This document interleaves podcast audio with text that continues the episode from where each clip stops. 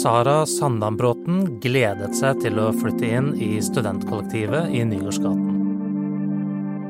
Så oppdaget hun noen svarte flekker på veggene. Dette er Hva skjedde? Jeg heter Rune Christoffersen.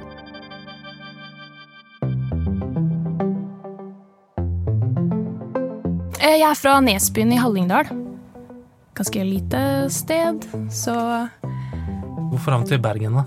Eh, Jeg valgte Bergen pga. studier og venner. Jeg startet på musikk, eh, som musikklærer, da. Lite kultursjokk, kanskje. At eh, det var mye større, og jeg følte meg jo fort mye mer anonym enn tidligere. Det med at du er anonym, er det bra eller dårlig? Eh, Jeg syns det er bra, jeg. Eh, Jeg syns det var veldig deilig. Litt befriende å ikke tenke over at alle du møter på butikken, er folk du kjenner, da. Sara går på Høgskolen på Vestlandet og studerer til å bli barneskolelærer. Den første tiden i Bergen bor hun i et kollektiv sammen med folk hun ikke kjenner så godt. Men etter hvert blir hun og tre venner fra hjemstedet enige om at de vil flytte sammen. Det var jo det å flytte med vennene sine, da. Og liksom alltid vite at du har bestevenninna di på andre siden av veggen.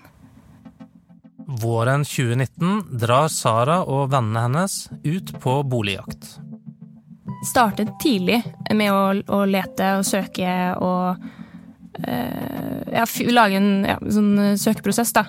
Vi var veldig eh, tidlig på hva vi ville, liksom kriteriene våre. Sentralt, ikke for dyr leie, store vinduer. Vi hadde lyst på liksom lys, da, siden Bergen er jo litt grått. Vi var på en del visninger, men etter hvert så fant vi ut at mange, mange av de stedene vi så på, enten var for dyre, eller ikke alle var like fornøyde. Så vi fikk jo fort et tidspress på oss da, på å finne et sted som alle ville ha. Etter et par måneders leting kommer de over noe interessant. En leilighet midt i sentrum. Den er akkurat det de er på jakt etter. Vi syntes beliggenheten var veldig, veldig bra. Vi var veldig gira eh, da vi liksom hadde funnet annonsen. Så vi var veldig sånn eh, Ja, det ser bare Det ser ut som dette kan være stedet, da. Sara og vennene er spente. De begynner å få dårlig tid med å finne et nytt sted å bo, og nå skal de på visning. Leiligheten ligger i enden av Nygårdsgaten. Da de kommer fram, blir de møtt av en ansatt i utleiefirmaet Nordisk Eiendom AS. Sara forteller at de gamle leietakerne ikke har flyttet ut møblene sine, og at det ene soverommet er låst. Og så ble vi jo fortalt at eh, disse leilighetene blir tatt veldig fort, og vi har mange som skal se på visninger. Så hvis dere bestemmer dere, så må dere gjøre det med en gang, liksom. Så fra vi så på leiligheten, og etter ja, kanskje 20 minutter, etter vi, ja, ikke det engang, etter vi hadde gått, så hadde vi jo alt sagt ja og signert husleiekontrakt og hele greia. Dere slo til på stedet. Vi slo til på stedet. Vi følte det var liksom Vi finner ikke noe bedre enn dette. Vennegjengen er fornøyd. Endelig skal de flytte sammen. Sara synes at utleiefirmaet virker greie. Hun får inntrykk av at det med depositum ikke haster så veldig. tok det vel en eller to dager etter vi hadde signert, om at dere må komme med alt nå. Før noen andre gjør det før dere. Så vi, vi følte oss veldig presset til å si ja, og med tanke på depositumet så måtte vi jo også betale det inn veldig fort. Det var liksom førstemann til mølla, da. Vi har jo ikke så masse penger eh, liggende som studenter, så vi måtte jo spørre om hjelp da, fra foreldre. Og Men vi fikk det jo til til slutt, da. Kollektivet betaler to måneders leie, dvs. Si 36 000 kroner, i depositum. Og så flytter de inn. Så så vi jo fort de muggflekkene på veggene da, som hadde vært eh, litt skjult fra tidligere, eh, da vi var på visning. Og da sa vi jo ifra eh, med en gang, men det ble jo en muntlig tilbakemelding, siden han som leverte nøklene, eh, var der. Eh, Og han sa det skal vi fikse senere, da. Som vi da stolte på. Hvor mye mugg var det? Det var liksom ikke sånne ekstremt store muggflekker. Badet var ganske ekkelt, og fugene var jo egentlig helt svarte. Så der brukte vi mm, ja, flere uker på å prøve å skrubbe og vaske selv, da. Men på soverommene så var det vel På tre av fire soverom så var det vel Det ene soverommet hadde en ganske stor muggflekk, og så var det litt mindre på de to andre, da. Og da ga dere beskjed til han som kom med nøklene? Ja. Og han sa det skulle bli fikset? Ja, han Ja. sa det skulle vi fikse. Men skjedde det noe da? Nei. det, vi fikk eh, Vi innså vel etter hvert da, at eh, det var litt vanskelig å få kontakt med de. Da de flytter inn, bestemmer Sara seg for å ta bilder av det de ser. Bildene viser svarte flekker på vegger og langs listene. Fugene på badet er også svarte.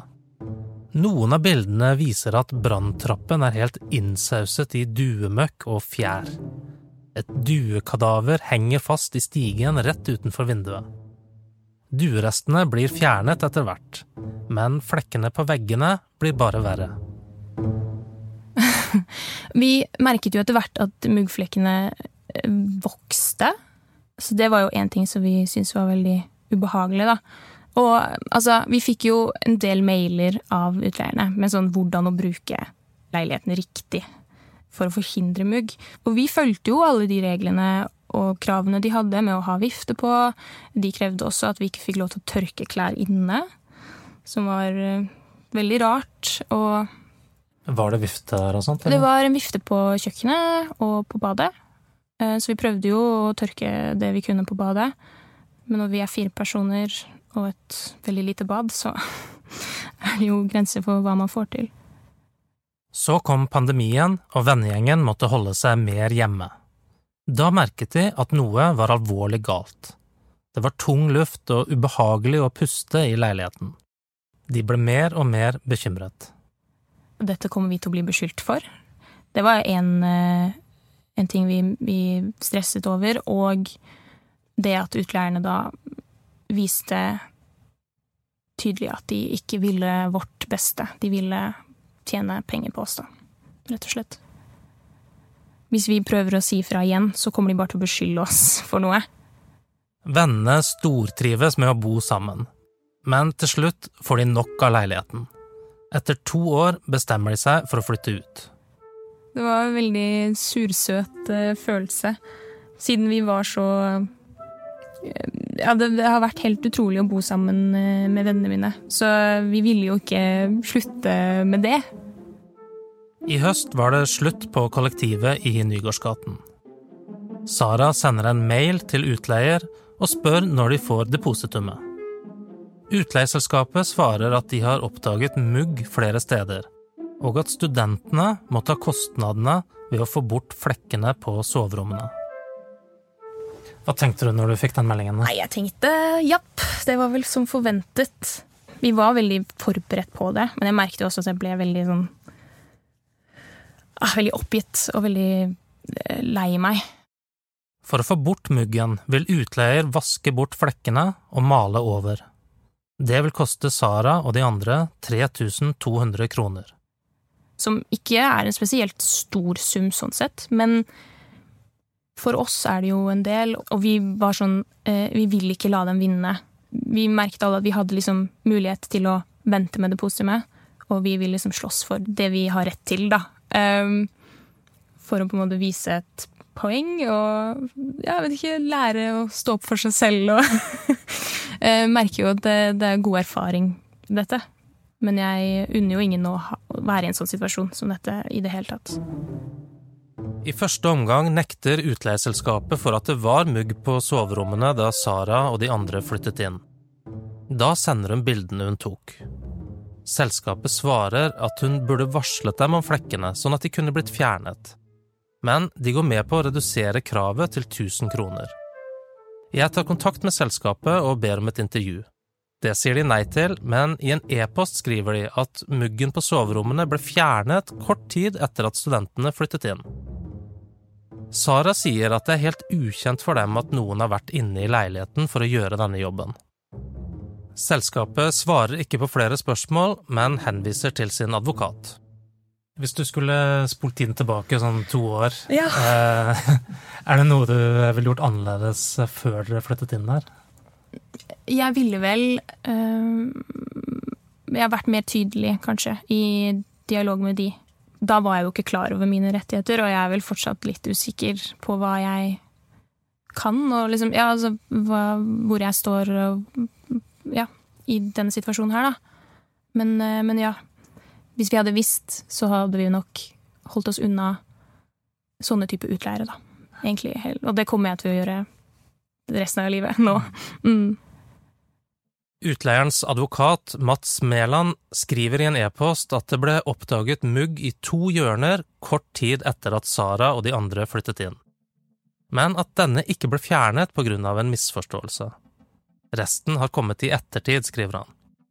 Han skriver også at det ikke er riktig at flekker ble skjult av møbler på visningen, og at de har dokumentasjon på det. Han har ikke svart på hva slags dokumentasjon dette er.